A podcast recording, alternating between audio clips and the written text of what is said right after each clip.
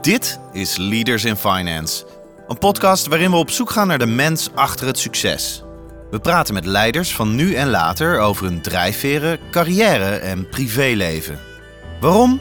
Omdat er meer gesproken moet worden in de financiële sector. Onze gast deze week is de CEO van een online betalingsprovider voor platforms en marktplaatsen. En de kans is groot dat je er al gebruik van hebt gemaakt. Dus je moet denken aan Marktplaats.nl, Natuurhuisje, PetBnB, Royal Flora Holland, Energy Trading Platform. Dus vrij breed. En voor de gebruikers van die platformen verzorgen wij dan de mogelijkheid om betaald te worden uiteindelijk. Daarnaast is hij bestuurslid van het Zero Flex Project dat aandacht besteedt aan de 66 landen waar homoseksualiteit nog strafbaar is. We zetten een project neer met de vlaggen van die landen. En iedere keer dat je langs die vlaggen loopt en die straffen ziet, blijft dat indrukwekkend. Daar kan ik mijn aandacht en, en tijd aan besteden om, om, om daar zichtbaarheid voor te creëren. In de hoop dat het voor mensen in die landen uiteindelijk beter wordt. En hij heeft natuurlijk uitstekende tips voor starters. Ik geloof echt dat als je wat langer bij een organisatie zit, dat je de specialist kan worden en de diepgang opmaakt die je gaat helpen in je verdere carrière. Onze gast deze week is Maurice Jongmans, CEO van OPP, Online Payment Platform, voorzitter van de Verenigde Betaalinstellingen Nederland, de VBIN, en nautisch coördinator bij grote varende evenementen als Sail en Gay Pride. Je gastheer is natuurlijk Jeroen Broekema. Welkom bij een nieuwe aflevering van Leaders in Finance. Deze week is de gast Maurice Jongmans, de CEO van OPP, oftewel Online Payment Platform. Welkom Maurice. Ja, dankjewel. Leuk dat je er bent bij, eh, bij Leaders in Finance. En voordat ik jou zal introduceren, wil ik graag de partners van Leaders in Finance bedanken voor hun steun. Dat zijn Kayak, EY, Orchards Berndsen, Executive Search en Roland Berger. Zonder hun steun zou deze podcast moeilijk zijn. Dus ik ben erg blij dat zij ons steunen. Eh, dan over naar mijn gast. Traditiegetrouw begin ik eerst met het spellen van de naam van de gast. Is Maurice, M-A-U-R-I-C-E en Jongmans, J-O-N-G-M-A-N-S. Maurice is de CEO bij OPP, zoals gezegd, online payment platform. Een gespecialiseerde betaaldienstverlener met kantoren in Delft, Berlijn en Londen. Tevens is hij de voorzitter van de Verenigde Betaalinstellingen Nederland, oftewel de VBIN. En daarnaast vervult hij functies op projectbasis als nautisch coördinator voor evenementen als Sail Amsterdam, Koningsvaart en Amsterdam Gay Pride. Ook is hij bestuurslid van het Zero Flex Project, een organisatie die aandacht vraagt voor de 66 landen waar homoseksualiteit nog strafbaar is. Maurice heeft al ruim 20 jaar ervaring in de wereld van e-commerce en online oplossingen en sinds 2011 heeft hij zijn expertise toegespitst op online betalingen. Tot slot, Maurice is 45 jaar jong en woont samen met zijn vriend in Rotterdam. Dat ter introductie dit komende, deze komende podcast zullen we veel meer over jou horen. En zoals luisteraars weten, eh, zou ik altijd graag eerst meer leren over jouw organisatie, OPP. En dat te structureren aan de hand van de verschillende stakeholders. Zodat we een mooi beeld krijgen van wat is dat OPP nou precies. Misschien aan jou de vraag, welke stakeholders zullen we eens mee starten? Uh, ik denk met de eindklant uh, en de gebruiker uiteindelijk. Um, wij zijn, zoals je zegt, een gespecialiseerde dienstverlener voor betalingen. En dan gespecialiseerd in marktplaatsen en platformen. En um, dat betekent dat wij de gebruikers van platformen en marktplaatsen faciliteren om uh, gelden te ontvangen. En dat zijn een vrij brede uh, type platformen. Dus je moet denken aan marktplaats.nl, gewoon uh, de, het, bekende platform in Nederland. maar ook Natuurhuisje, PetBnB, dus hondenuitlaatservice, zou ik maar zeggen. Um, en nog ook zakelijke platformen, Royal Flora Holland, energy trading platformen. Dus vrij breed. En voor de gebruikers van die platformen verzorgen wij dan de mogelijkheid om betaald te worden uiteindelijk. Zijn het altijd marktplaatsen waar jullie voor werken of is dat een belangrijke groep, maar is niet alles? Het zijn altijd platformen of marktplaatsen. Uh, alleen het is wel zo, je kan dat vrij breed zien. Dus um, in, uh, in franchise-organisaties met één centrale website en misschien 25 losse ondernemingen daaronder is ook, kunnen wij ook verzorgen dat de betalingen direct bij de juiste onderneming daaronder terechtkomen. Maar er zit altijd een extra laag tussen. Dus dat is eigenlijk meteen de tweede stakeholder, is het platform. Duidelijk. En daar kom ik zo nog even op, maar nog even over die platformen, jullie klanten. Waarom ben je daarop gaan specialiseren? Want is dat dan zo andere business dan tussen aanstekens reguliere betaaldienstverlening? Nou ja, um, de meeste uh, andere betaaldienstverleners richten zich op uh, webshops. En daar heb je natuurlijk één verkoper. En nou ja, als het, uh, als goed draait, een heleboel kopers. En op uh, platformen marktplaatsen heb je dus meerdere verkopers op één platform. En soms moet je ook producten combineren. Dus op Marktplaats wil je niet alleen het product kopen van een andere consument, maar wil je het ook laten verzenden met PostNL. Dus er zitten meerdere betalingen in één transactie verwerkt. En daarmee maakt dat het complexer, ingewikkelder dan, dan een gewoon webshop aanbieding, zeg maar. En dat is eigenlijk ook de reden dat we mee begonnen zijn. Ehm, in de tijd hadden we een facturatiesysteem voor ondernemers. Daar wilden we graag betalingen op verwerken, ook voor die ondernemers. En, en dan heb je ook eigenlijk heel veel ondernemers, maar maar één uh, platform. Ehm, en toen uh, ja, ben ik op zoek gegaan in de markt of dat beschikbaar was. En er was gewoon geen partij op dat moment die dat kon faciliteren. Waarbij wij ook onze kosten in rekening konden brengen, waarbij wij die betalingen konden verwerken. En uiteindelijk is dat de reden dat wij nu zelf uh, in die markt actief zijn als betaaldienstverlener. Mooi. Ik kom straks nog even op de, nou ja, laten we zeggen, stakeholder, competitie of concurrenten, hoe je het wil noemen. Daar ben ik ook wel benieuwd naar, want als het complex is, lastig waarschijnlijk om het op te zetten. Maar je zei zelf al, andere stakeholders het platform. Wat bedoel je daarmee? Nou ja, de, de, uiteindelijk is natuurlijk, de, neem even als voorbeeld van Marktplaats. De consument die daar wil verkopen is klant van onze betaaldienst. Maar uiteindelijk is Marktplaats net zo goed klant van onze betaaldienst. En die verzorgt natuurlijk de integratie. Uh, dus dat is eigenlijk bij ons heb je de eindgebruiker, dat is de gebruiker op het platform, de verkoper. Maar daarnaast het platform zelf, die, die uh, ja, vragen namelijk bij elkaar brengt van verschillende gebruikers. Dus dat is meteen de tweede klant eigenlijk die je als stakeholder hebt. Snap ik. En de stakeholder collega's, met hoeveel mensen run je dit bedrijf? Uh, we zitten op bijna 100 mensen inmiddels. Mooi gegroeid de laatste, laatste twee jaar. Ehm, waarvan eh, een deel eh, op ons kantoor in Delft, het grootste deel. Maar ook een, eh, een, een, stuk of twintig mensen in Berlijn en nog een paar in, in Londen. Voor de, in het kader van de brexit moeten we een eigen vergunning en organisatie in, Londen, en in de UK opzetten. Dus in, in Londen ook inmiddels mensen op de vloer. Duidelijk.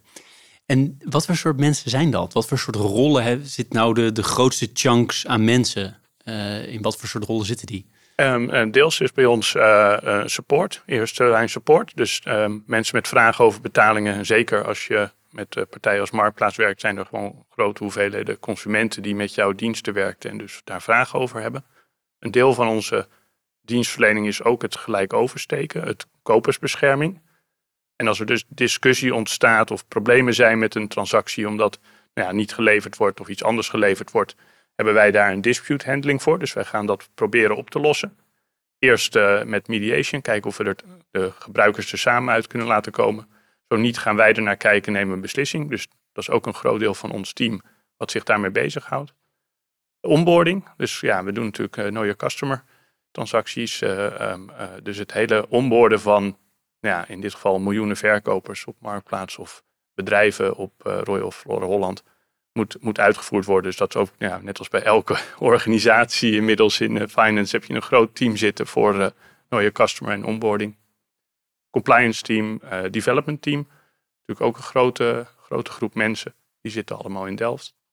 En dan een paar mensen sales en management. Helder. En is het nou zo dat je dit gebouwd hebt en dan, dan is het er en dan moet je het vooral gaan uitrollen en groeien en meer klanten onboorden? Of is het ook constant innoveren, het platform verder brengen, worden er steeds weer nieuwe features toegevoegd? Ik bedoel, ik kan me voorstellen dat het ergens ertussenin zit. Of is het, is het meer aan de een of de ander?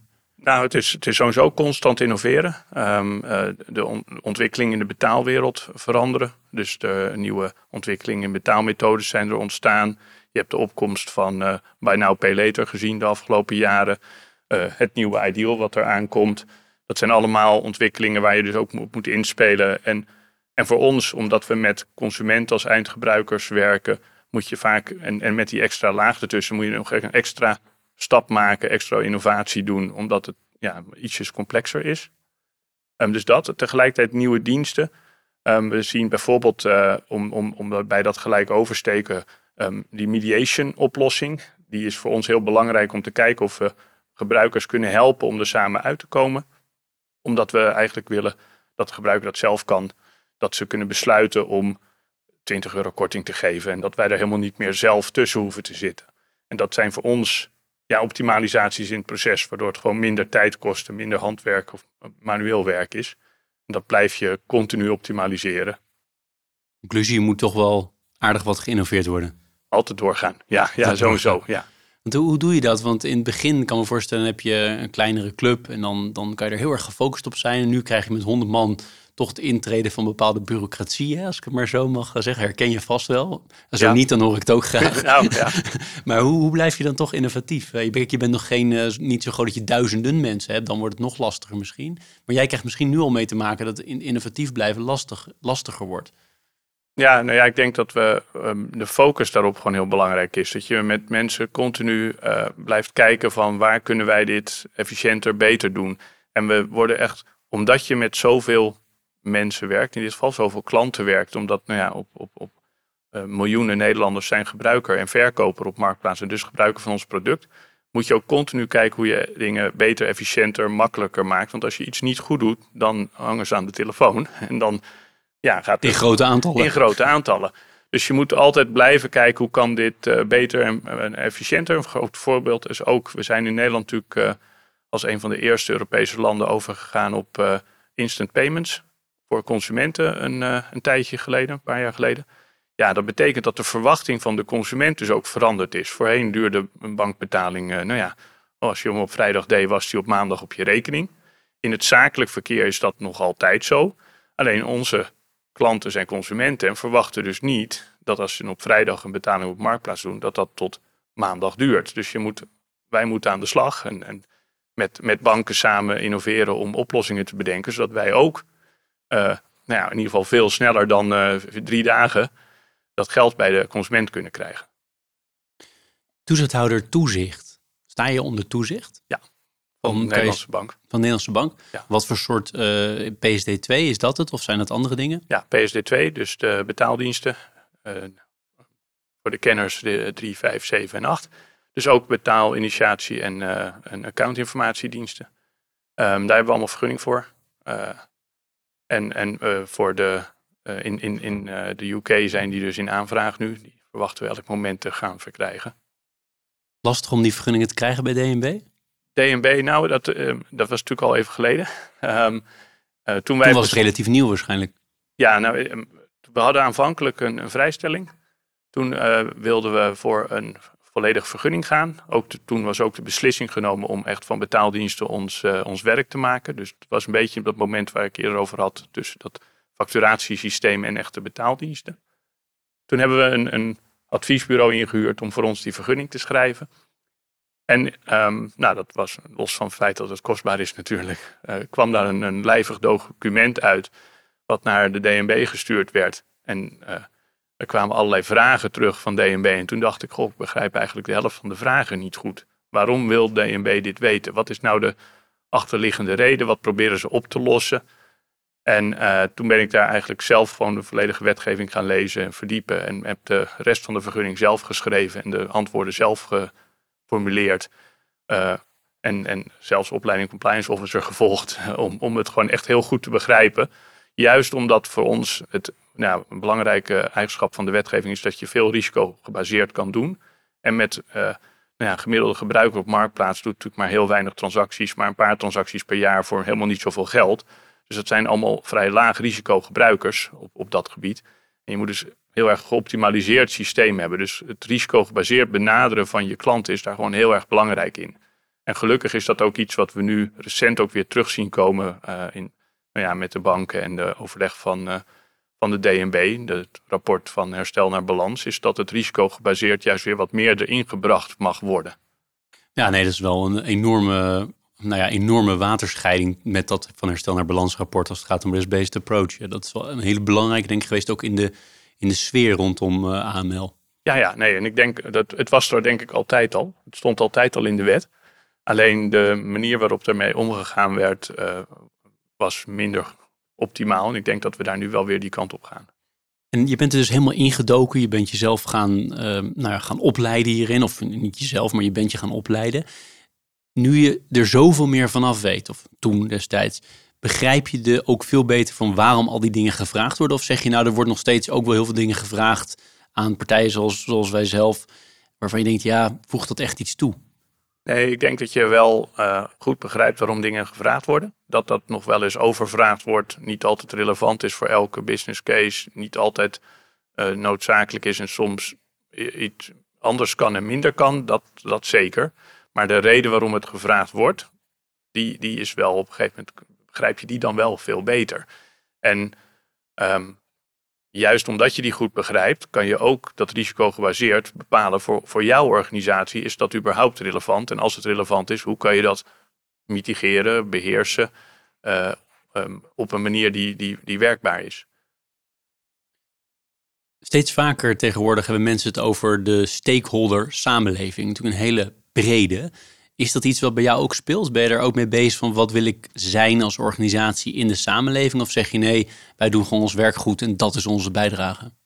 Nou, ik denk dat dat sowieso een bijdrage is. Um, juist op de type platform wat wij doen. Wij doen heel veel uh, om, om fraude uh, proberen te voorkomen. Uh, marktplaatsfraude was natuurlijk een belangrijke onderdeel. Uh, jaren geleden was dat via de hoogtij. Het faciliteren van betalingen, het identificeren van verkopers draagt bij aan het verminderen van fraude op het platform. Um, dat is voor ons heel belangrijk. Uh, binnen onze medewerkers uh, diversiteit en inclusie, heel erg belangrijk. Ook, ook duurzaamheid. Um, we zijn bezig met het verbouwen van, uh, van onze, ons kantoor. En daar neem je niet altijd de commercieels, dus slimste beslissingen, maar wel in, in duurzaamheid de slimste beslissingen. Ik geloof dat je gewoon op deze, dit moment uh, niet meer kan maken om als je een pand verbouwt nog weer een gasinstallatie erin te hangen. Volgens mij doe je dan iets niet goed. Alleen is commercieel gezien is dat nog altijd de beste oplossing. En als je het pand zou willen gaan verhuren, krijg je er nog niet meer voor terug als er een uh, warmtepomp in zit. Dus commercieel niet misschien de juiste keuze, maar, maar in duurzaamheid zeker de juiste keuze. En dat is een mooi voorbeeld op duurzaamheidsgebied. Je noemde ook uh, diversiteit en inclusie. Heb je daar ook voorbeelden van wat jullie dan concreet doen? Nou, het belangrijkste is dat ik het zelf gewoon echt uitdraag, continu. Um, we, Mag je dat onderbreken? Hoe doe je dat dan? Echt uitdragen als CEO? Uh, nou, ik heb uh, altijd iets aan wat een regenboogkleur communiceert. Nu ook zien luisteraars niet, maar is wel zo. Ja, en, en, uh, en dat doe ik dus ook. Ik, ook naar elk event waar ik naartoe ga, zal dat zichtbaar zijn. Um, ik, wij sponsoren ook het Women in Payments congres, afgelopen jaar weer geweest in, in Wenen. Uh, om, om daar ook de diversiteit uh, onder de aandacht te brengen. Um, belangrijke organisatie daarvoor ook, denk ik. Um, dus dat, dat doen we. Daar doen we heel veel aandacht aan besteden. Um, ik ben nog zelf nog niet tevreden over de diversiteit in de organisatie. althans, met name op managementniveau. Alle lagen daaronder is dat helemaal goed. Maar op management, ja, dus we zitten met een groep eh, die, die dat al acht tot twaalf jaar met elkaar doet. Dus dat is uit oudsher ontstaan. Maar het is wel nu zo dat alle wijzigingen daarin gewoon uh, verplicht een diversiteitskarakter moeten Want hebben. je bedoelt te veel mannen dan? Ja. Of? Nou, ja, ja. ja. oké. Ja. Dus nou, dat klinkt als heel concreet. Ga je ook zover dat je zegt van er zijn te veel organisaties die je om je heen ziet of in de financiële sector die wel zeggen dat ze diversiteitsbeleid belangrijk vinden en inclusiviteit, maar dat meer voor de bühne doen dan daadwerkelijk dat doorleven? Nou, wat je vaak terug hoort als je, nou laat zeggen, wij, wij zoeken een nieuwe managementlaag iemand, dan zeggen we gewoon nu, we willen daar een vrouw hebben. En wat je vaak terug hoort is dan de discussie van ja, maar krijg je dan wel die, de beste persoon? En ik denk dat dat een kwestie is misschien van wat langer zoeken. En, en, en gedreven zijn om die persoon te vinden. Um, want, want ze zijn er zeker. Um, en, en natuurlijk, um, 50-50 is, is een heel ingewikkeld. Dat, dat is niet iets wat ik zeg dat het zou moeten, dat het 50-50 zou moeten zijn. Want, want dat, op dit moment is het werkveld ook niet 50-50. Maar, maar je moet gewoon wel echt. Uh, en, en die, die getallen, dus of moet je er een getal aan hangen? Uh, dat is ook vaak gehoorde discussie. En ik denk niet per se een getal aan moet hangen. Maar het helpt mensen heel erg om het inzichtelijk te maken. En, en dat is wat, wat mensen daarna overtuigt om er ook wat mee te gaan doen. Als je laat zien van uh, je hebt maar 20% diversiteit in je organisatie, dan weet je dat je ermee aan de slag moet. En dan gaat het niet om het, om het streefgetal van 40 of je die 40% nou haalt. Het gaat vooral om duidelijk te maken dat je nog stappen te zetten hebt. Helpt het jou zakelijk ook om talent aan te trekken? Ik denk het wel. Um, ik hoor het ook wel van, van medewerkers die uh, bij ons in dienst gekomen zijn en die ik op een gegeven moment spreek. En, uh, en laatst toch in Berlijn, uh, medewerkster die bij ons was gaan werken, die zegt van ja, ik kwam hier binnen en ik zag, we hebben zo'n van, van, van Lego, die, die, een soort groep poppetjes in verschillende kleurtjes staan. Dus in die regenboogkleuren staan daar poppetjes van Lego. En toen zeg ik, ja, ik zag dat en toen voelde ik me veilig om hier te gaan werken. Dat is voor jou wel mooi om te horen, want ik kan me voorstellen als je er heel hard aan werkt, maar je uiteindelijk ja, gebeurt het niet of je krijgt het niet terug, dan denk je ook, waarom doe ik het? Maar ik kan me voorstellen dat dit soort dingen wel belangrijke momenten voor jou zijn. Dat je weet van, oké, ik doe het dus echt ergens voor iemand die er daadwerkelijk iets aan heeft. Ja, maar we krijgen, ook, we krijgen dat best wel veel terug van medewerkers. Ehm, maar ik doe het ook breder. Dus we hebben um, afgelopen jaar iftaravond op uh, kantoor gehad. En ben ik gewoon naar islamitische medewerkers van ons gegaan, een aantal. En gevraagd, ik wil iets doen in het kader van uh, jullie feestdag. Alleen ik heb geen idee wat ik moet doen. Mijn, mijn, ja, mijn kennis gaat er eigenlijk niet ver genoeg. Dus uh, ik heb ze uiteindelijk gevraagd van wat kunnen we doen, wat zouden we kunnen organiseren en hoe kunnen we, als we dat dan organiseren, ook nog iets van die cultuur, kennis overbrengen op de andere medewerkers uh, binnen de organisatie. En dat was heel succesvol, heel leuk. Ik heb er ook zelf heel veel van geleerd. Maar ik krijg daarna ook van die medewerkers terug dat ze het leuk vinden dat we die aandacht er ook aan geven. Mooi. Dit is Leaders in Finance met Jeroen Broekema. Ik kom later in het gesprek nog terug over jou, jouw drijfveer en motivatie om hier zo actief mee, eh, mee te zijn. Maar ik wil nu nog even blijven bij mijn stakeholders, anders rond ik dat onderwerp helemaal nooit af. Ik wil er nog twee behandelen, van mijn kant in ieder geval, maar misschien heb jij er meer. Concurrenten en uh, eigenaren. Van, van wie is dit bedrijf? Ben jij het begonnen of niet? Of hoe zit dat precies in elkaar? Um, nee, mijn compagnon Richard, Richard Straver, is het begonnen. Uh, samen met een studiegenoot in de tijd. Uh, die is op een gegeven moment eh, voor een ander project is eh, samen met zijn compagnon en een eh, developer naar Silicon Valley gegaan, naar Amerika, met een project, een investering. En toen heeft hij aan mij gevraagd, dat was dus 12,5 jaar geleden, om nou ja, de, het bedrijf in Delft te runnen. Ik was toen ook zelfstandig ondernemer in Delft al. Um, daar is het begonnen.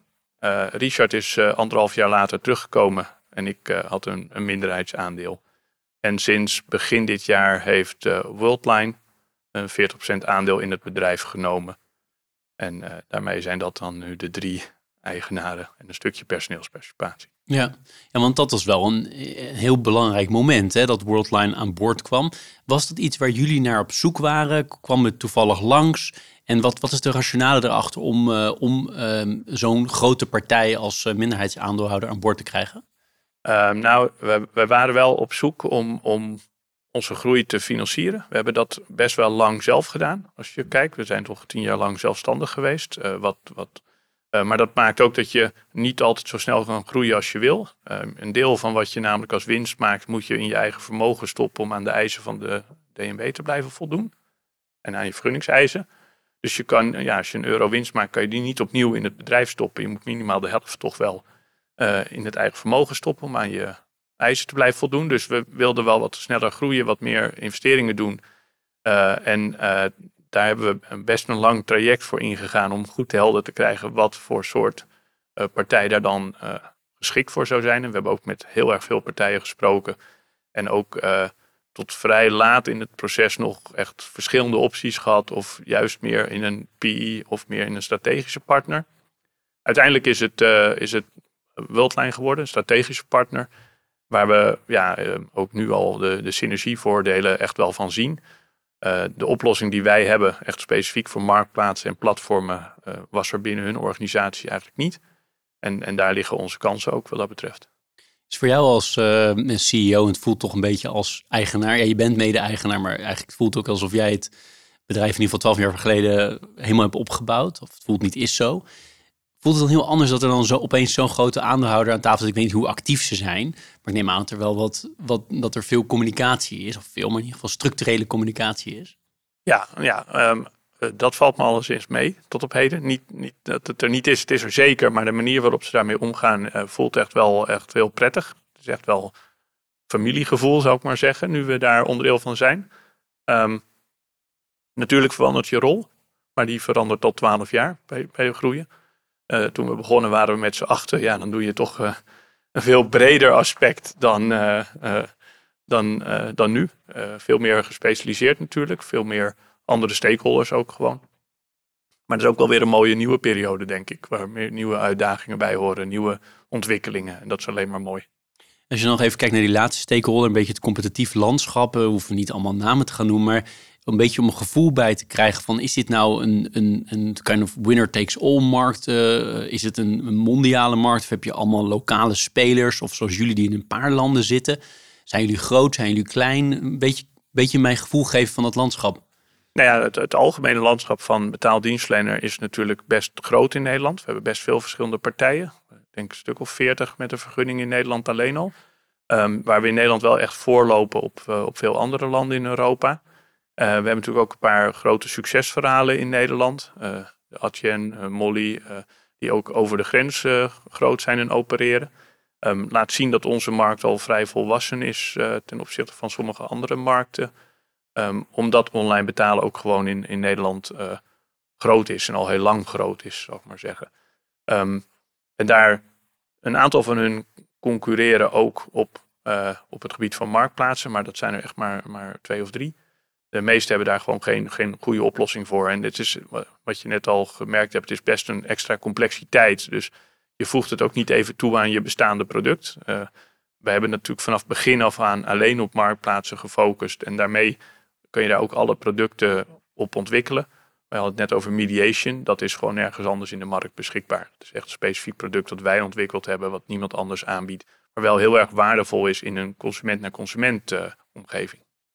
Dus kan ik dan concluderen, er is wel concurrentie, maar dat is niet een hele grote zorg voor jou? Of zeg je nou, nee, het is toch echt wel een markt waar flinke concurrentie is? Ik probeer nog even iets concreter te krijgen. Nee, nee, ja, er is natuurlijk, er is natuurlijk flinke concurrentie. En, de, en, en er zijn grote partijen ook die, die graag uh, een deel van deze markt willen hebben. En um, de platformmarkt is ook heel breed. Dus er zijn ook een aantal betaaldienstverleners, althans een aantal platformen met een eigen vergunning. Dus neem uh, Just Eat Takeaway bijvoorbeeld, thuisbezorgd hebben een eigen vergunning. Uber heeft een eigen vergunning. Um, dat zijn partijen hebben wel een eigen vergunning gehaald, maar doen dan toch nog een groot deel van de betaaldiensten uitbesteden aan uh, een grote concurrent van ons. Um, wij hebben ons iets meer gericht op de, op de platform die zelf geen vergunning uh, hebben. En, en waar wij ook meteen met hun eindklant communiceren en zorgen dat we die vergunningsproblematiek uit handen nemen. Ja, ik kan me voorstellen dat uh, zo'n grote partijen als, uh, Argent of Molly die je noemt, die ook wel interessant zouden vinden om jullie te kopen. Zeg ik dan iets heel raars? Uh, nee, um, um, dat zou misschien interessant, maar goed. We hebben met heel veel partijen gesproken. Niet per se met degene die jij noemt, maar in het proces. en ook gekeken of er synergie en schaalvoordelen waren om, om, om met andere partijen verder te gaan. Maar ik denk dat wij heel bewust gekozen hebben voor de route met Worldline. Met een strategische partner die, nou ja, het is het grootste paymentsbedrijf van Europa. En ik geloof nummer vier van de wereld. Dus best een, eh, niet zomaar een partij waar we mee samenwerken natuurlijk. Nee, duidelijk. Je gaf aan uh, dat je voor um, OPP al zelfstandig ondernemer was. Wat, wat deed je precies? Ik ben tijdens, ik, ben, ik heb industrieel ontwerpen gestudeerd. Um, en ben tijdens de opleiding eigen web development bedrijf begonnen. Dat heette webtechniek in de tijd. Ook een vrij uh, omschrijvende naam. Um, en wij ontwikkelden eigenlijk uh, maatwerksoftware online voor, voor partijen. En dat was, um, we hebben een beoordelingssysteem voor personeel ontwikkeld samen met een commerciële partij. We hebben een ordersysteem voor een franchiseketen ontwikkeld met hele specifieke, in de meubelindustrie, met hele specifieke orders en, en, en eigenschappen. Dus dat was eigenlijk het werk waar ik mee begonnen dat deed je al tijdens je studie IO, tijdens industrieel ontwerpen. dus je was al heel ondernemend. Ja, ik heb in, in 2000 mijn eerste eigen bedrijf opgericht. Hoe oud was je toen? Ongeveer, even rekenen. Toen was je 22. 22 ja. ja. 22 en dat is inmiddels dus uh, best even terug. Maar je bent er toen wel mee gestopt of zijn andere mensen daarmee doorgegaan? Um, ben toen dat bedrijf ben ik begonnen met de Compagnon. Uh, die is, uh, die, dat bedrijf bestaat nog steeds, is samengegaan met een ander bedrijf. Dus de naam bestaat niet meer, maar, maar, maar de klanten en van deze producten waar ik, die ik noem, die bestaan al 20 jaar inmiddels. Ja. Mooi toch besloot jij om er dus uit te stappen toen die vriend of kennis, zaken, ik weet niet wat het was, vroeg of jij uh, dit wilde gaan runnen. Wat, triggerde jou om, om te zeggen dat doe ik? Of heb je er lang over nagedacht? Nou, het was een combinatie. Um, ik was inmiddels twaalf jaar bezig met mijn eigen bedrijf samen met de Compion. Ik kreeg de vraag van, van Richard uh, of ik, nou ja, um, het bedrijf ook in Delft, dat zat ook niet zo ver van elkaar vandaan, ook wilde gaan runnen als, als, als directeur. En ehm, dat was, was best wel mooi. was een leuke afwisseling, ander type bedrijf, uh, veel meer software service gericht. Uh, um, namelijk dat facturatiesysteem. Uh, vond ik gewoon een leuke uitdaging. Was ook een leuke groep mensen. Dus daar ben ik mee aan de slag gegaan. Deed het toen de tijd allebei. En toen kwam de vraag voor Sail Amsterdam of ik Sail Amsterdam nautisch wilde organiseren. Wat toch ook een fors project is. Wat toch een, een, maand of vier, vijf, zes, um, ja, al snel 30 tot 40 uur per week in beslag nam. En toen kwam ik op een punt dat ik beslissingen moest gaan nemen welke, wat ik nog wel en niet uh, kon doen in, in, in, een werkweek. En um, ja, ik, uh, toen was ik inmiddels, waren we dan richting die online betalingen gegaan, wat ik gewoon mega interessant vond, leuk vond. Dus toen heb ik beslissing genomen om, om, om zowel Sail Amsterdam te organiseren en verder te gaan met online payment platform. En mijn oude compagnon de mogelijkheid te geven om zelfstandig verder te gaan. En die is toen samengegaan met andere bedrijven. Je wist helemaal niks van de financiële sector, of zeg ik dat verkeerd? Vlak daarvoor wist ik er niks van. Nee, dat heb ik allemaal moeten leren. Ja. En dacht je dat ik lijkt me interessant meteen? Of zag je de kansen al? Of dacht je gewoon van dit is, ik zie gewoon een bedrijf wat gerund moet worden en dat, dat gaat me lukken? Of hoe, hoe zat je daarin op dat moment? Nou ja, het, wat ik zei, we, um, toen, toen, wij, toen ik in het bedrijf kwam, was die vrijstelling er. En toen zat ik op een punt dat ik denk van ja, moeten wij nou, wat moeten we allemaal doen voor zo'n vergunning? Wat, wat is dat een enorme klus? Wat een hoop werk, wat een hoop formaliteiten. Dat, en dat voor een kleine oplossing binnen het facturatiesysteem. Hè? Um, ik zeg, nou, dat moeten we gewoon niet willen. Dat moeten we gewoon uitbesteden. Ik ga gewoon iemand vinden die dat voor ons gaat doen. En dan kunnen wij focussen op het mooiste facturatiesysteem wat er is bouwen. Dat was mijn aanvankelijke insteek. Maar na een rondje langs de velden en langs de betaaldienstverleners van die tijd, waarvan de meeste er allemaal nog zijn, hadden ze allemaal nog steeds geen oplossing voor een platform zoals wij uh, waren. En toen hebben we gezegd, nou, maar, maar dan is er dus behoefte aan, want wij zijn niet de enige met zo'n vraag. En uh, toen zijn wij aan de, hebben we het omgedraaid. Hebben we gezegd, nou dan gaan we de vergunning aanvragen. Maar dan moet dat ook, ik heb altijd, vind altijd focus heel belangrijk. Dan moet dat ook de focus worden. En moeten we dus niet meer het facturatiesysteem proberen te doen en een betaaldienstverlener. Die combinatie moeten we niet willen. Dus uiteindelijk is uh, het facturatiesysteem gekocht aan digitale factuur. Die meteen de eerste implementatie van onze uh, betaaldienstverlener had. En, en nog steeds overigens. En, en zijn wij echt op betaaldiensten gaan richten. En, en ja, dat was gewoon voor mij op dat moment gewoon echt gewoon een nieuwe uitdaging, nieuwe markt. Daar wilde ik mijn energie in stoppen. Heb je in het begin ook momenten gehad dat je dacht van dit gaat hem helemaal niet worden hier? Ik stap hierin, maar wat heb, waar ben ik ingestapt? Ja, natuurlijk. In, ik heb in het begin wel momenten gehad, zeker om, om, om die focus te vinden. Om te kijken wat het bedrijf was natuurlijk. Um, Richard was met zijn compagnon en, uh, en een developer naar, naar Silicon Valley gegaan. Dus die waren een, Amerikaanse avontuur begonnen. En, en voor mij op dat moment dat ik, uh, ja, wat er in, in, in Delft bleef, iets mee moest gaan doen. En, en ik was directeur, ik kwam nieuw binnen. Ik waren maar met een, man of zeven. Dus wat gaan we nou eigenlijk doen? Uh, met opeens de drie belangrijkste stakeholders weg uit die organisatie natuurlijk, vervangen door, door mijzelf. Dat heeft even gekost om, om, om focus te vinden. Wat gaan we doen? Ze hadden een aantal producten, software as a service. Daar hebben we gewoon ook een paar van stop gezet. Ik zeg van ja, we kunnen niet alles doen. Laten we, laten we focussen. Um, maar goed, tegen die tijd dat we richting uh, die beslissing zijn gegaan op betaaldienstverlener, daarmee aan de gang zijn gegaan. En ook toen kwam Richard terug uit Amerika, want die heeft daar was gewoon niet zijn omgeving, niet zijn, niet zijn leven. En die is teruggekomen in het bedrijf. En toen zijn we gezamenlijk echt, echt die, daarvoor gegaan en dat gaan doen. Ben je dan iemand die gestrest wordt op zo'n moment dat het toch even wat moet gefocust worden? Je stopt met dingen wat soms een beetje counterintuitive is. Want waarschijnlijk leveren die onderdelen wel ook weer wat inkomsten op. Met andere woorden, hoe ga je ermee om als het even iets, uh, iets spannender wordt? Nou, ik word niet snel gestrest. Um, en ik heb in, in 25 jaar ondernemerschap geleerd dat nee zeggen meer oplevert dan ja zeggen. Kan je dat toelichten? Want dat is heel interessant. Nou, dus er um, genoeg voorbeelden hoor. Maar ik denk een van de grootste voorbeelden die ik, uh, die ik mezelf herinner, is dat um, er ooit een klant was, nog voor mijn uh, vorige bedrijf, die eh, had een, een heel projectplan uitgeschreven waarbij wij eh, de techniek moesten bouwen.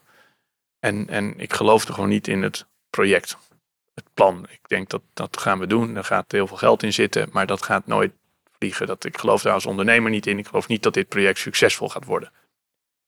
En, maar er werd, er werd geld opgehaald, er was geld voor, er was project voor, er was aandacht voor. En toen hebben wij gezegd, ik heb gezegd van maar wij gaan dat niet doen. Want ik vind dat gewoon geen goed idee. En toen, uh, nou die ondernemer was helemaal, uh, ja, boos bijna dat we dat niet gingen doen. En die zegt, ja maar dit project is gebaseerd op dat jullie dit gaan doen. Als jullie het niet gaan doen, dan gaat het project niet lukken. En ja, ik denk dat kan helemaal niet. Er zijn heel veel ondernemingen, net als ons, die dit prima kunnen ontwikkelen zoals jij dat wil. Dus het is helemaal niet afhankelijk van ons. Maar goed, uh, het, het, mocht meer kosten, alles. En toen vroeg uh, mijn compagnon, die zei, ja maar goed, weet je, commercieel laten we het gewoon doen. Er is heel veel geld te verdienen. En ik zeg, nou, ik ga het niet doen. Uh, ik geloof er niet in. Maar als, het, als je erin gelooft, dan moeten we onze kosten, nou ja, weet je, aanbetaling die van 30%, maar die moet eigenlijk gewoon onze volledige kosten van het hele project dekken. Want ik geloof dat het daarna gewoon niet gaat lopen en, dan, en als er geen geld komt, dan krijgen wij ons geld ook niet. Dus ik zeg, ver, verdubbelde, verdriedubbelde prijs maar, doe een 30% aanbetaling en begin maar met het project. En dat is wat gebeurd is, maar het project is nooit afgekomen. Dus die aanbetaling gebleven, er is daarna ook nooit meer verder op ontwikkeld. En ja, dat, ja, je moet gewoon nee zeggen als je er niet in gelooft of als je er als je tegen zit, gewoon nee. En dat is moeilijk. Dat is moeilijk, hè? Want nee zeggen is niet, zit de meeste mensen niet in de natuur. Ik weet niet hoe het bij jou zit, maar de meeste mensen zeggen toch liever ja op dingen. Ja. Heb je dat jezelf moeten leren of zit dat er al heel diep in? Nee, je moet het leren. En het is ook tegen natuurlijk, weet je. We moeten soms ook afscheid nemen van medewerkers, wat nooit leuk is. Ehm, en dan probeer je zoveel mogelijk te helpen. Want dat, dat is dan, want het is tegen natuurlijk. En ik merk het ook uh, bij onze medewerkers die met klanten werken, dat, dat ja, er worden soms toezeggingen gedaan. Dan denk ik, waarom, waarom gaan we dit doen? En dan uiteindelijk, ja, ja gewoon, uiteindelijk omdat ze gewoon geen nee zeggen. Maar dat, het levert je zoveel meer op als je goed weet wanneer je nee moet zeggen. Heb je tips voor mensen die nu luisteren zeggen, ja, weet je, ik denk dat bijna iedereen herkent dat nee zeggen lastig is. In ieder geval ik, is er nog iemand anders mee te luisteren, misschien ook wel. Heb je tips voor hoe je dat dan kan leren? Want ik denk dat het iedereen heel veel kan opleveren. Nou ja, je moet het ook gewoon gaan doen. Um, uh, en, en misschien niet meteen met je grootste klant, maar uh, misschien is gewoon met, met, uh, met een project waar je over twijfelt of waar je van vindt dat het te ver gaat, gewoon een keer, gewoon een keer waar je eigenlijk voel je zelf al dat je nee zou willen moeten zeggen, maar je doet het vaak gewoon niet. En als je nou gewoon eens probeert en, en zegt van nee, hier, hier stopt voor onze grens, dan, dan maar iets minder verdienen of dan maar iets minder, iets anders. Um, dan ga je zelf merken dat het uiteindelijk juist je aan, ofwel het geeft jou veel meer uh, genoegdoening bij jezelf, geeft je misschien veel meer rust, geeft je misschien betere, soms ook betere afspraken die je kan maken.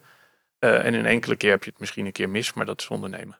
Mooi. Ik, kan me heel, ik vind het een hele goede tip. Want ik kan me helemaal voorstellen dat als je het gaat oefenen en je ervaart dat het prettig voelt als je het gedaan hebt, dan smaakt het naar meer. En dan wordt het misschien makkelijk om de volgende keer weer dat te doen. Ja, en ik denk ook voor, voor, voor veel van jouw klanten is een antwoord nee is ook een antwoord. En, en die vinden duidelijkheid ook gewoon eh, waardevol. En uh, openheid over, goh, weet je, ik zie dit niet zitten, dit gaan we niet doen. Of dit gaat voor ons niet werken.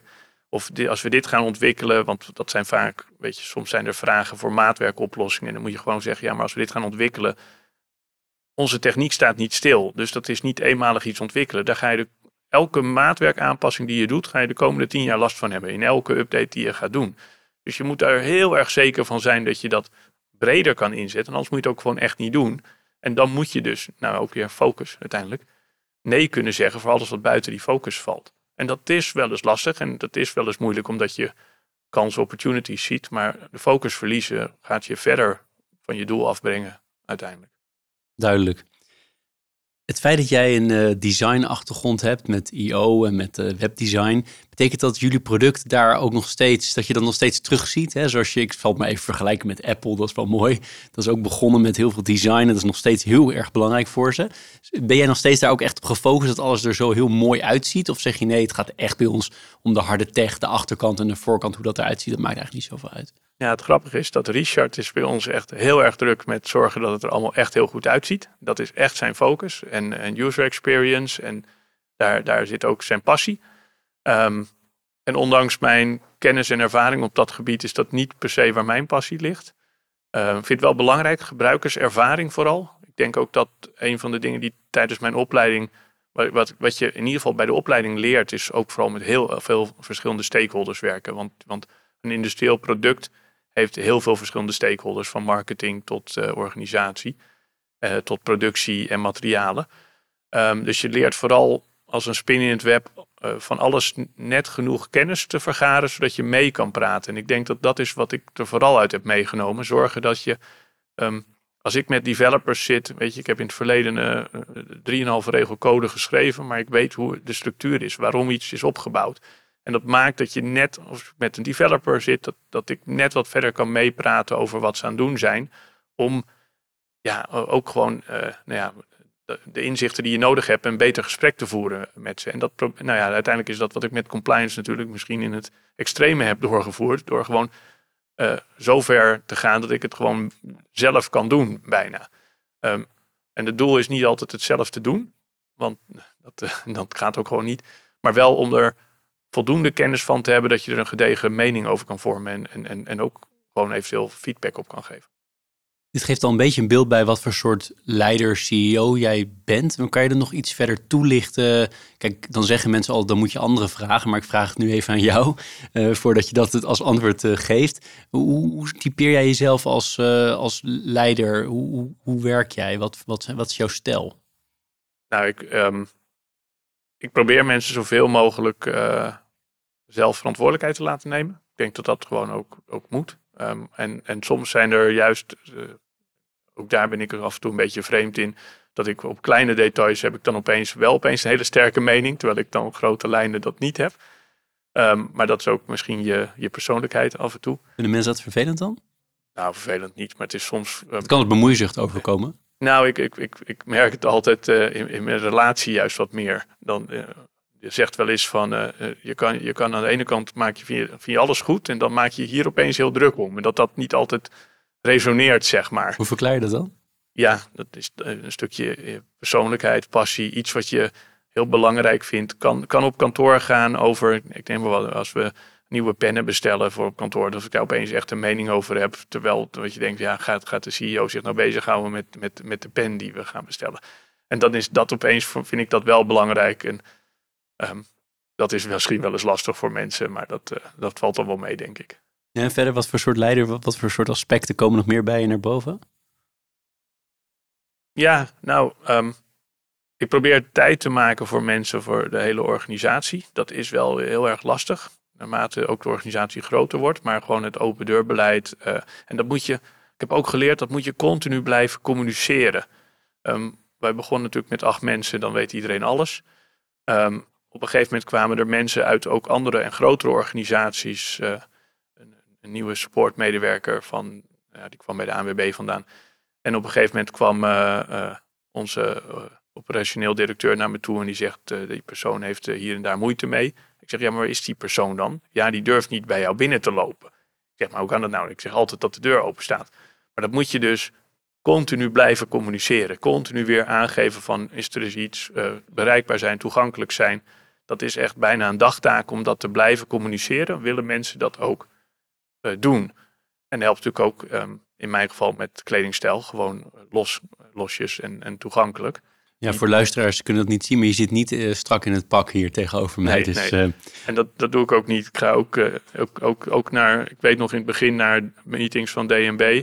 Dan was ik gewoon de enige die met een trui kwam. En in de tijd zeker, dat is, wat is het, twaalf jaar geleden. Informatiebijeenkomsten bij de Nederlandse Bank. Dan, dan kwam iedereen gewoon nog in pak. En was, was denk ik de vraag, doe ik vandaag wel of geen stropdas om? Dat was toen nog de, discussie, maar voor mij is het altijd gewoon een trui geweest. Ja. Ik denk dat de samenleving iets meer naar jou toe is bewogen, dus je valt nu iets minder op waarschijnlijk. Je luistert naar Leaders in Finance met Jeroen Broekema. Als we wat verder teruggaan in de tijd, hè, nog even over die studententijd. Je was dus daarnaast al ondernemer. Hoe typeer je verder jouw studententijd? Was je een hele serieuze student? Was je een feestende student? Of ergens tussen die twee uitersten?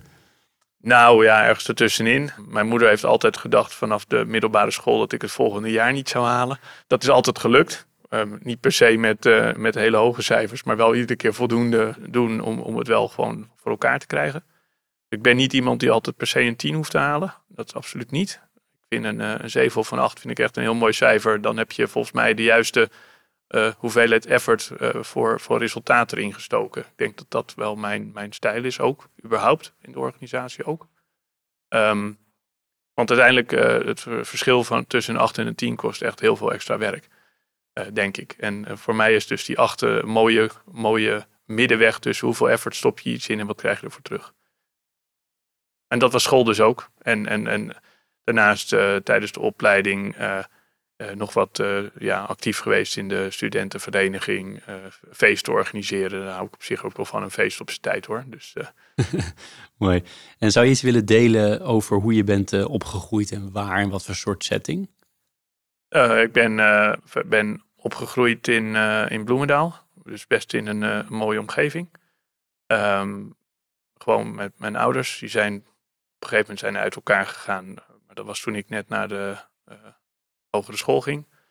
Um, een prima omgeving om in op te groeien. Ik was, werd niet per se altijd positief ontvangen op school. Ik was toch wel een buitenbeentje. Was wel wat gepest. Maar dat heeft me nooit echt geraakt, denk ik. Dat heb ik nooit echt last van gehad voor mezelf.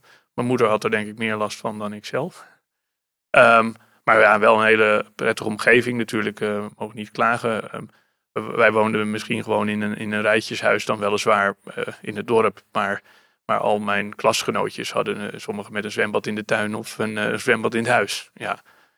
dus een hele mooie tijd opgegroeid. Nooit, nooit moeilijk. Ik ben naar, op school in Haarlem op school gegaan. En later naar, naar Den Haag en, en Delft gaan studeren. Wat waren belangrijke normen en waarden bij, bij jullie thuis? Um, was je trouwens enige kind? Of was je nee, ik heb, nee, ik heb nog een broertje, uh, drie jaar jonger dan, dan ik ben. Um, ja, en ik was, ik was altijd actief thuis. Ik hielp altijd thuis. Um, ik was al snel boodschappen doen. In die tijd, dat was dan wel weer grappig, kon, ging ik dan om, om vijf voor zes nog naar de Albert Heijn haalde daar spullen voor het eten, rekende niet af. Dat werd opgeschreven bij de Albert Heijn. En dan ging mijn moeder de volgende dag wel afrekenen. Dat, dat, zou, dat zouden we ons nu dat, niet dat meer... is nog eens een payment systeem. Wil zeggen, dat zouden we ons nu niet meer kunnen voorstellen. En dat dat toen gewoon bij de Albert Heijn nog kon, zeg maar. Um, maar gewoon wel, ja, je moet gewoon... Mijn, mijn vader was, is, was fysio-manueel therapeut. Die moest ook gewoon best wel veel werken. En ik ben ook al gewoon... Uh, moet ze werken voor mijn geld. Dus gewoon een... Uh, de kranten gaan bezorgen. Daarna bij diezelfde Albert Heijn uh, gaan werken. Wel achter de kassa, dus daar kwam ook al betaalsysteem om de hoek. Maar dat wist ik toen nog niet. Nee. Ja, en uiteindelijk ben ik, was ik verantwoordelijk voor het kassateam in Bloemendaal. En later naar Den Haag. Toen ik naar Den Haag verhuisde voor de studie, ben ik daar bij de Albert Heijn. Je zei iets over het werk van je vader en het werk van je moeder. Was die thuis of wat? Mijn moeder werkte twee, drie dagen in de week. En, uh, en dan was ze niet thuis. En, maar toen, tijdens mijn jonge jeugd was ze altijd wel thuis. En, maar daarna heeft ze gewerkt. en dan, ja, dan zorgde ze soms zelf ook voor het eten inmiddels. Ja. ja. Heb jij je, dat wat je vertelde op school, dat je een beetje een buitenbeentje was? Ik, denk, ik kan me voorstellen dat dat best wel toch wel wat impact heeft gehad. Je zegt zelf, ik heb er nooit last van gehad. Maar zijn er nog andere dingen geweest in die, nou ik noem maar even 0 tot 18 of zo, zo'n range waarvan je zegt, dat het best wel impact op mij gehad als als persoon? Of dat heeft mij gevormd? Nou ja, um, ik denk dat je gewoon wel meekrijgt. En, en juist misschien uh, door dat buitenbeentje te zijn, dat je ook leert voor jezelf te zorgen. Dat je leert dat je niet per se afhankelijk bent van anderen. Uh, wat mij echt wel geholpen heeft uh, om je eigen mening te vormen. en, en niet met anderen mee te gaan per se in een mening. Dat had bij mij toch niet zoveel zin. Um, maar, maar, maar ik, ik heb het zelf nooit als. Maar goed, ik, ik ben ook niet iemand die snel tegen problemen oploopt en graag op zoek is naar oplossingen. Graag, graag uh, bedenkt uh, hoe kan ik het wel voor elkaar krijgen in plaats van het lukt niet of het kan niet of het uh, gaat niet. Um, ben soms te makkelijk daarin. Dat hoor ik ook nog wel eens. Dat maak ik me nergens druk om. Maar ja, dat is hoe, ik in elkaar zit en dat bevalt me goed. Nee, kijk, um, achteraf heeft het vrij lang geduurd voordat ik uit de kast kwam voor mijn homoseksualiteit. Dat is ergens, nou ja, toen ik in, in Den Haag een jaartje studeerde. Dus je begin twintig of zo? Of, ja, oh ja, ja. Dus is achteraf gezien, als je dan terugkijkt, uh, denk je, oh, dat had ik al veel eerder kunnen ontdekken. Maar dat is dan, het was vooral een reis voor mezelf om daarachter te komen. Dat heeft gewoon lang geduurd. Achteraf vind ik, als ik terugkijk, had ik dat best wel wist, had ik dat veel eerder kunnen weten. Maar het heeft me op geen enkele manier ooit heb ik de indruk gehad dat het een probleem was voor mijn omgeving. En ben dus, toen het voor mezelf duidelijk was, zeg maar, ben ik ook vrij snel uit de kast gekomen en ook gewoon naar de ouders. En dat heeft daar nooit een probleem op geleverd. Nou, ze hebben daar heel goed op gereageerd. Ja, ja, ja. Mijn opa had het er wat moeilijker mee, maar daar kon ik me ook weer niet druk om maken. Mooi. En we hadden dus wel een mooi bruggetje naar. Ik zei, ik ga erop terugkomen. Je, je bent uh, heel actief in de, nou, in, in, de, in de wereld van homorechten, opkomen voor homorechten. We hadden het in het voorgesprek ook even over. En wat ik ook in de introductie zei. Uh, 66 landen, geloof ik. Ja, ja, check het even. Ja. Waar dat dus nog gewoon zelfs strafbaar is. En even los van of het geaccepteerd wordt, maar het is gewoon strafbaar. Ja. Je zet je daar heel hard voor in. Waar komt die drive vandaan? Is dat je persoonlijke ervaring of is het anders? Nou ja, ik denk dat ehm, ik in die situatie ben dat ik daar aandacht voor kan vragen en tijd en energie aan kan besteden. En, en ehm, op het moment dat, uh, dit is me gewoon op een gegeven moment gevraagd, dit is een project waar inderdaad 66 landen waar homoseksualiteit strafbaar is, van twee jaar gevangenisstraf tot levenslange gevangenisstraf en in elf landen de doodstraf. Dat, en iedere keer dat we zetten een project neer met, met de vlaggen van die landen, bijvoorbeeld op Museumplein in uh, Amsterdam. En dat project heb ik toch al inmiddels al een keer of vijftien neergezet op verschillende plekken. En iedere keer dat je langs die vlaggen loopt en die, en die straffen ziet, blijft dat indrukwekkend. Maar je krijgt ook heel veel feedback van mensen die dat gezien hebben. Ook als ze niet weten dat ik zo'n project heb gedaan. Ik kreeg laatst ook iemand die zei, ja, er staat uh, op het Museumplein stond zo'n indrukwekkend project. Ja, dat, eh, dat geeft dan ook... Jij hebt dat beaamd. ja, ja dat, eh, maar dat geeft wel aan dat het ook weer impact heeft op mensen. En ik denk dat dat voor, voor ons, voor mij ook belangrijk is. Dat, dat kan ik bijdragen nog. En daar kan ik mijn aandacht en, tijd aan besteden om, om, om daar zichtbaarheid voor te creëren. In de hoop dat het voor mensen in die landen uiteindelijk beter wordt. En die mensen kunnen, kunnen dat niet. Ehm, we hebben uh, in dat kader ook, uh, als je Pride Walk, uh, um, ja, Walking for those that cannot join us, basically. Dat, dat principe dat je het doet voor mensen die niet, nog niet in de gunstige situatie zitten, of de positieve situatie waar ik me veel vind dat we ons in Nederland toch best wel in bevinden, uiteindelijk. Ja, en zonder al die 66 op te noemen, maar zijn er landen waarvan ik misschien verrast ben dat die op die lijst staan. Bekende landen. Kijk, er zijn ook wel landen waarvan ik het wel zeker weet dat het uh, niet oké is. Er zijn ook landen waarvan je denkt, hé, hey, dat verrast mensen. Nou, er zit natuurlijk toch wel ook wel uh, meer vakantiebestemmingen soms tussen. Uh, Mauritius bijvoorbeeld, waar, je, waar je niet zo snel aan zou denken van nou, daar, daar, daar is het een probleem.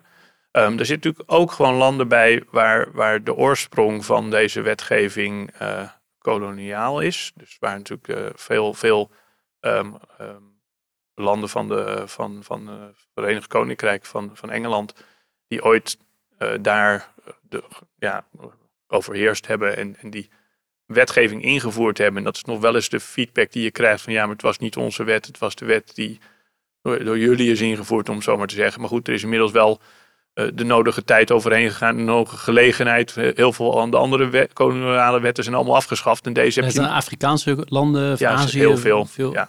ja. veel Afrikaans. Eh, er zat, zit ook nog veel in, uh, in Caribisch gebied.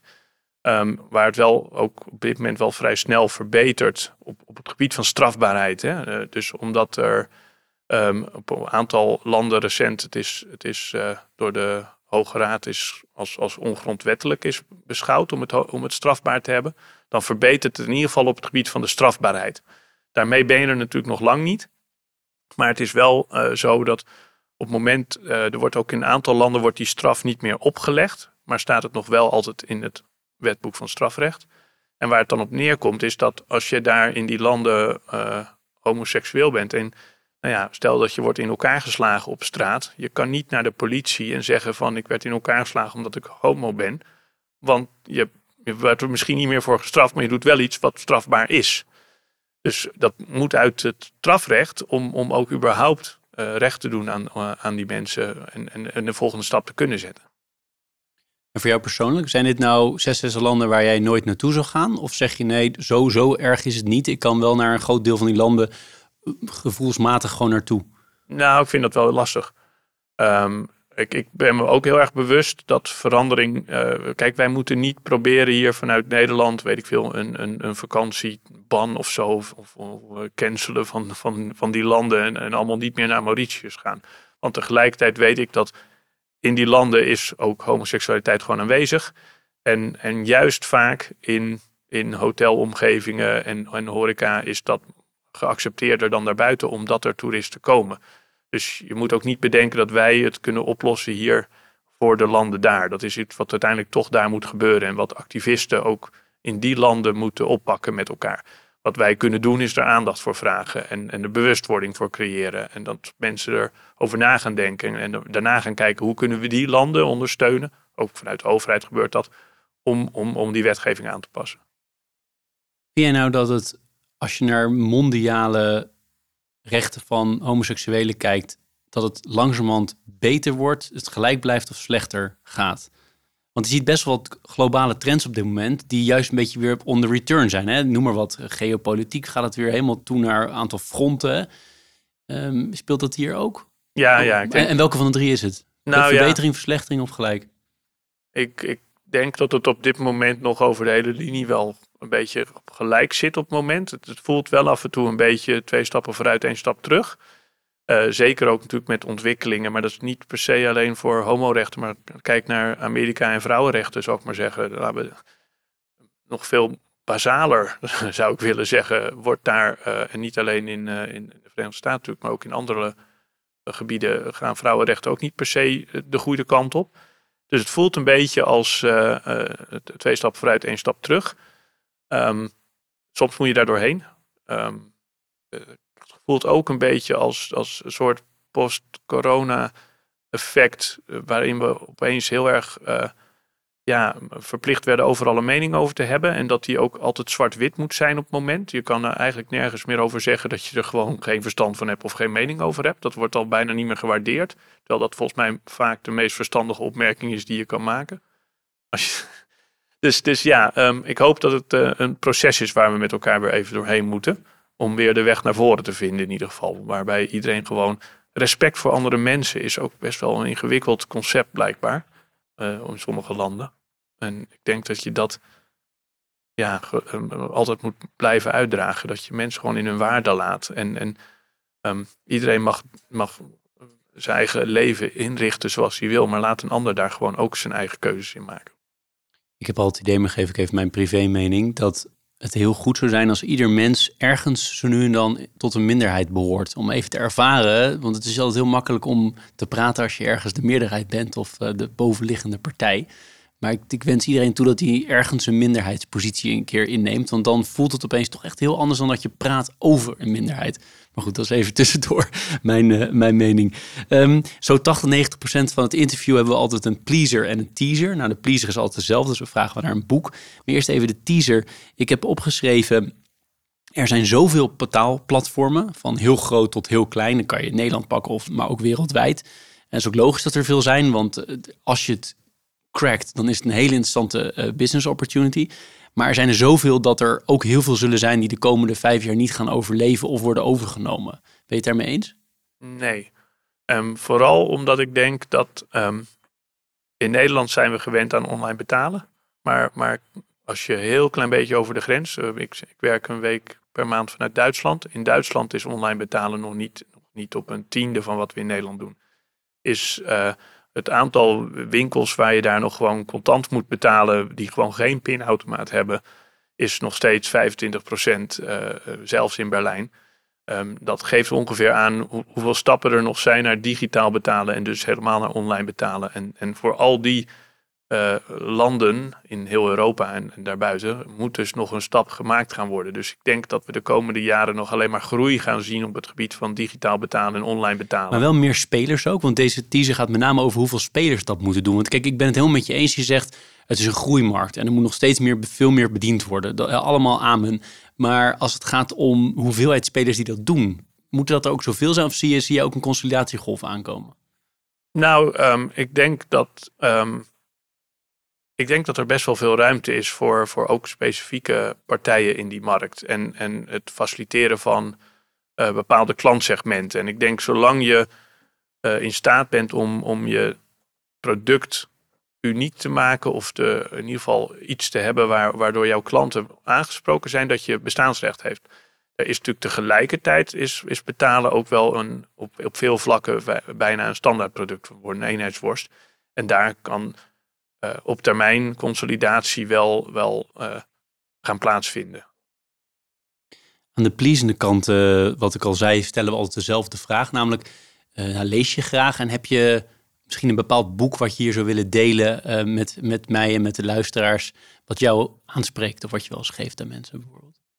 Nou ja, um, we hadden het er net ook al even over. Um, ik ben lid van de Geheime Eetclub, waar, waar ditzelfde onderwerp altijd de voorbij Geheime komt. Geheime Eetclub? Ja, een groep Verklaar u nader, hoe geheim is het? Nou, het, nou ja, het is ingeschreven als de geheime eetclub, als vereniging. Het is een groep ondernemers uh, die uh, uh, ja, in, in de technologie zitten, die een beetje dezelfde leeftijd hebben. jonge ondernemers waren, het bestaat al een tijdje. En, en die met elkaar over de problemen en uitdagingen die ze als ondernemer hadden wilden praten. En oorspronkelijk begon dat als een, een boekenclub waarbij je een ondernemersboek meebracht en daarover vertelde. Um, dat is uitgegroeid tot een eetclub. Waarbij we vooral uit eten gaan en met elkaar de gesprekken voeren. Maar als er introducties zijn, vragen we die wel altijd nog weer een, een boek mee te nemen. En uh, toevallig een van de ondernemers heeft net zelf een boek geschreven. Dat heet Scoren. Uh, van uh, Jeroen der Wort. hij heeft Online Soccer Manager ooit opgezet. een, een spel waar, waarbij je eigenlijk manager wordt van voetbalclub. Wat wereldwijd door echt uh, miljoenen en miljoenen mensen gespeeld wordt al jaren. En hij heeft daar een boek over geschreven. Um, maar mijzelf, ja, ik vind uh, het boek omdenken. En niet per se vanwege de, de inhoud, dat je die nou het belangrijkste vindt. Maar wel het feit dat je aan omdenken gewoon gebruikt als techniek om af en toe bij jezelf te staan. Is dit wel de beste manier om dit probleem aan te Want wat is omdenken? Nou, dat je eigenlijk gewoon van een heel ander uh, uitgangspunt naar jezelfde probleem gaat kijken. Um, dat je uh, niet de standaardroute volgt om een probleem op te lossen. Uh, um, ja, als andere oplossingen bedenkt, gewoon echt compleet andersom naar, het, naar je probleem kijkt. En, en ik denk dat dat helpt om, om, om, om oplossingen te vinden, soms gewoon uit te zoomen. Gewoon even kijken, van, als, we dit, als we dit nou niet als een probleem, maar als een kans zien, hoe pakken we het dan aan? Uh, dat is denk ik wat je helpt als ondernemer om af en toe echt even uit los te komen van, van bestaande denkbeelden en opnieuw te bekijken. Zie, zie je een probleem als een kans bijvoorbeeld? En, en als het een kans is, hoe zou je hem dan aanpakken? Mooi. Nog een paar laatste vraagjes uh, vanuit mijn kant. Uh, eentje heb ik aan alle 143 CEO's die ik aan deze tafel heb mogen ontvangen uh, gesteld. Namelijk heb je tips voor starters op de arbeidsmarkt en misschien in de financiële sector, maar mag ook breder. Nou ja, ik denk dat we nu best wel in een gunstig klimaat zitten uh, voor starters op de arbeidsmarkt. Want er is gewoon veel uh, behoefte aan mensen in, in Nederland. Uh, aan gekwalificeerde mensen. Zorg ook dat je je blijft ontwikkelen. Dat je opleidingen blijft volgen. Dat je iedere keer kijkt wat je mogelijkheden zijn en welke volgende stap je kan maken. Um, ik zou wat langer bij bedrijven blijven zitten en, en je wat meer, om je wat meer te specialiseren. Ik zie dat veel wij hebben er niet zoveel last van, maar ik zie om me heen dat mensen al vrij snel ongeduldig worden in hun werkorganisatie. Is misschien ook omdat ze natuurlijk, weet ik veel, twintig keer per dag door uh, recruiters worden gebeld dat er weer ergens anders het gras groener is. Maar ik geloof echt dat als je wat langer bij een organisatie zit, dat je veel meer uh, de specialist kan worden en de diepgang opmaakt die je gaat helpen in je verdere carrière. Ik denk dat we nu vaak zien dat mensen na, na twee jaar weer doorgaan het helpt je op termijn denk ik niet per se eh, heel erg. Volgens mij ben je een hele harde werker. Als je een beetje zo opzonde dat je die, die Nautische projecten deed en dan ook nog een bedrijf runde. En, nou ja, en dan al die, die vrijwilligersdingen er nog bij. Dat is even mijn aanname. Als het niet klopt moet je zo maar even tegenspreken. Maar ehm, hoe blijf je dan fit? Mentaal en fysiek. Wat, wat doe je daaraan? Uh, ik zwem twee keer per week. Tenminste, nou ja, formeel zwem ik twee keer per week. Uh, ik denk als ik per jaar optel dat één keer per week het gemiddelde uiteindelijk is. Uh, dat, want dat blijft nog wel eens, dat schiet er nog wel eens bij in. Um, maar voor mij is dat een hele prettige sport, omdat ik heb een beetje sociale druk nodig om, om tot sport te komen. Het is niet dat ik nou heel erg blij van word, normaal gesproken. Um, alleen ik ben niet geschikt voor groepsporten. Uh, teamsporten. Want, want je kan alleen een teamsport doen als je er netjes iedere week bent. En dat is gewoon in mijn, in mijn leven niet het geval. Um, en en uh, mijn zwemvereniging in Rotterdam is, is ook gewoon een hele leuke groep. sociale vereniging, leuke mensen. en dus motiveert dat mij. En dan, en dan krijg ik netjes op maandagmiddag, zie ik in de appgroep van wie er gaan zwemmen. En dan denk ik, oké, ja, ik moet gewoon even motiveren om, uh, om om negen uur toch, uh, toch nog de deur uit te gaan. En, uh, en om tien uur het zwembad in, in te gaan op maandagavond. maar dat werkt voor mij. dus dat is een mooie mix van een sociaal sport, maar, maar niet een verplichting om een soort team te vormen. En dan kom je dus ook tot rust. Ja, en het is gewoon leuk. En dan kom ik even bij. En we doen ook wedstrijd, internationale wedstrijden, zwem ik dan ook mee. En dan gaan we gewoon met een groep naartoe. En dat is, dat is heel ja, een heel prettige manier om, uh, om dat te doen. Um, en voor de rest, ja, je moet, je moet leren uh, dingen los te laten. Je moet leren dingen uit te besteden.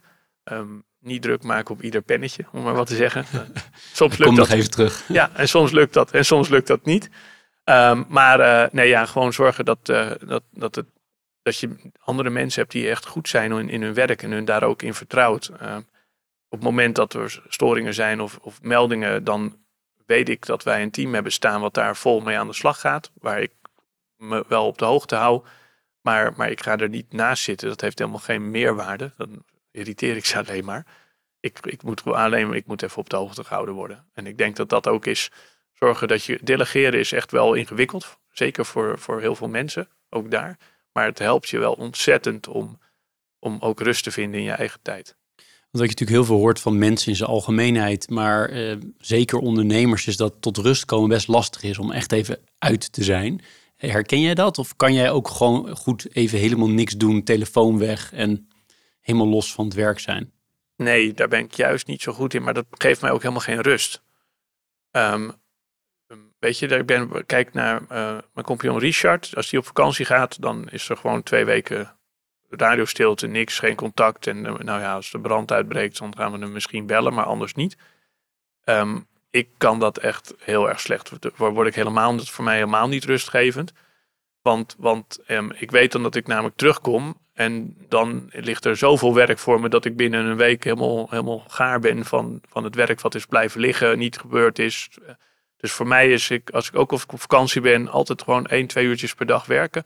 Dan ben ik door mijn mail heen, heb ik de reacties gestuurd. Uh, um, en, dan, en dan weet ik wat er speelt. En dat geeft me rust voor de rest van die dag.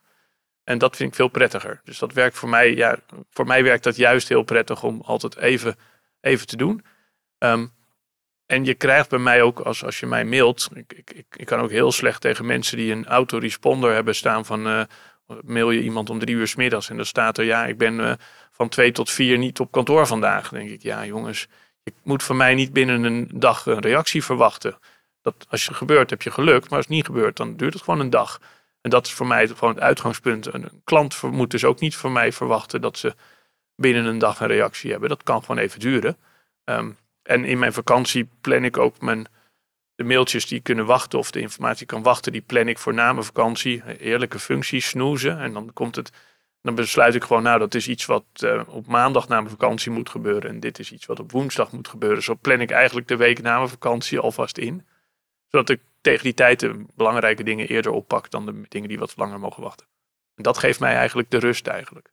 Mooi. Nou, verrassend antwoord wel. De meeste mensen zeggen je moet ook echt even helemaal loskomen ervan. Overigens, ik beaam volledig de snoesfunctie. Ik ben ook groot fan van. Je kan precies goed plannen en het zit toch niet in die inbox. Dus dat is voor mensen die dat nog niet gebruiken, denk ik ook een, eh, ook een goede tip. Naar de toekomst toe. Zie je jezelf wat je nu doet nog heel lang doen? Zie je jezelf nog CEO worden van een meer reguliere, tussen aanstekens niet scale-up bedrijf uh, elders of weer helemaal opnieuw beginnen? Waar, waar zie je jezelf de langere termijn? Nou, dat weet ik eigenlijk niet zo goed. Ik, uh, ik ben nooit zo van de lange termijn vooruitplannen. Ik uh, vind vijf jaar vooruitkijken al best wel een, een, lang, lange periode. Um, maar we hebben nu sinds begin dit jaar de investering van Worldline. Dus mijn rol is weer veranderd en daar heb ik heel veel zin in. Uh, dus de komende drie, drie, vier jaar heb ik daar mijn, mijn handen aan vol. Lijkt me hartstikke leuk en ga ik daarvoor. En ja, hoe de wereld er dan uitziet, vind ik moeilijk in te schatten. En als je nog eens opnieuw zou beginnen, even semi of helemaal theoretisch, zou je dan in deze hoek zitten? Of zou je dan, heb je zoiets van, nou ik zou heel graag nog iets in X of Y of Z doen? Nou, ik weet het niet. Ik heb ik nooit zo mee bezig geweest, nooit zo over nagedacht. Ik, ik, weet je, ik heb het erg naar mijn zin. Uh, ik, heb, ik heb gewoon, ik heb, vind leuk werk, werk met leuke mensen. Ik vermaak me iedere dag, ga met plezier naar kantoor. Um, heb een mooie mix uh, in, in, in, in mijn werk en mijn leven en mijn, en mijn vrije tijd. Vind ik, voor mezelf dan. Misschien vinden andere mensen dat niet, maar ik ben daar heel happy mee. Dus ik, ja, en ik denk, ik ben niet zo bezig met als, als of morgen, ik heb ook altijd gezegd, ook in de gesprekken die we hebben gehad over, over met wat voor partij ga je verder, waren natuurlijk ook mogelijke gesprekken waarbij er een overname zou zijn. Stel dat dat zou gebeuren, wat ga je dan doen? Ik zeg, nou, dat zie ik dan wel. Uh, um, ik heb ook nooit gezegd, ik wil per se in een nieuwe situatie CEO blijven. Als ik een andere rol beter kan vervullen in de organisatie, een innovatiemanager of een andere rol. Kijk, ik zou nooit de fulltime compliance rol of, of dat soort dingen. Ik, ik, vind de, ik wil graag meerdere vakgebieden combineren. Dat blijft wel mijn, mijn behoefte. Maar in welke rol dat het beste is, dat moeten we bepalen voor de organisatie. En als dat een andere zou zijn dan CEO, dan doe ik een andere rol dan CEO. Mooi. Voordat ik je ga bedanken voor de vele tijd die je hebt genomen voor dit interview, aan jou nog de allerlaatste vraag van mijn kant in ieder geval. Jeroen, is er nog iets dat je had moeten vragen of waar ik het graag over had gehad, maar hebben we het niet over gehad? Of iets anders wat je wilt toevoegen? Nee, niet zo 1, 2, 3. Ik denk, uh, het was een leuk gesprek. Was, uh, was uh, door de hele breedte helemaal goed. Dus niks aan te vullen. Leuk. Maurice Jongmans, CEO van online payment platform OPP. Heel veel dank voor je tijd. En heel leuk dat ik alles mocht vragen. Van, tenminste mocht, ik heb het gedaan. zowel privé als, als zakelijk. Ik wijs er nu naar. We hebben zo meteen een klein bedankje voor je, voor je collega voor alle tijd die je hebt genomen voor Leaders in Finance. Ik ben heel erg benieuwd om jouw OPP, uh, jouw carrière en OPP's voortgang te blijven volgen de komende tijd. Nogmaals, uh, dankjewel. Ja, geweldig. Dank je. Dit was Leaders in Finance. We hopen dat je deze aflevering met veel plezier hebt beluisterd. We stellen je feedback erg op prijs. Wat houdt je bezig en over wie wil je meer horen? Laat het weten via een Google of Apple review. Dat kan ook direct via een e-mail of via onze social media kanalen. We kunnen het enorm waarderen als je dat doet. Tot slot danken we onze partners voor hun steun. Dat zijn Kayak, EY, Otjes Berndsen Executive Search en Roland Berger. Bedankt voor het luisteren.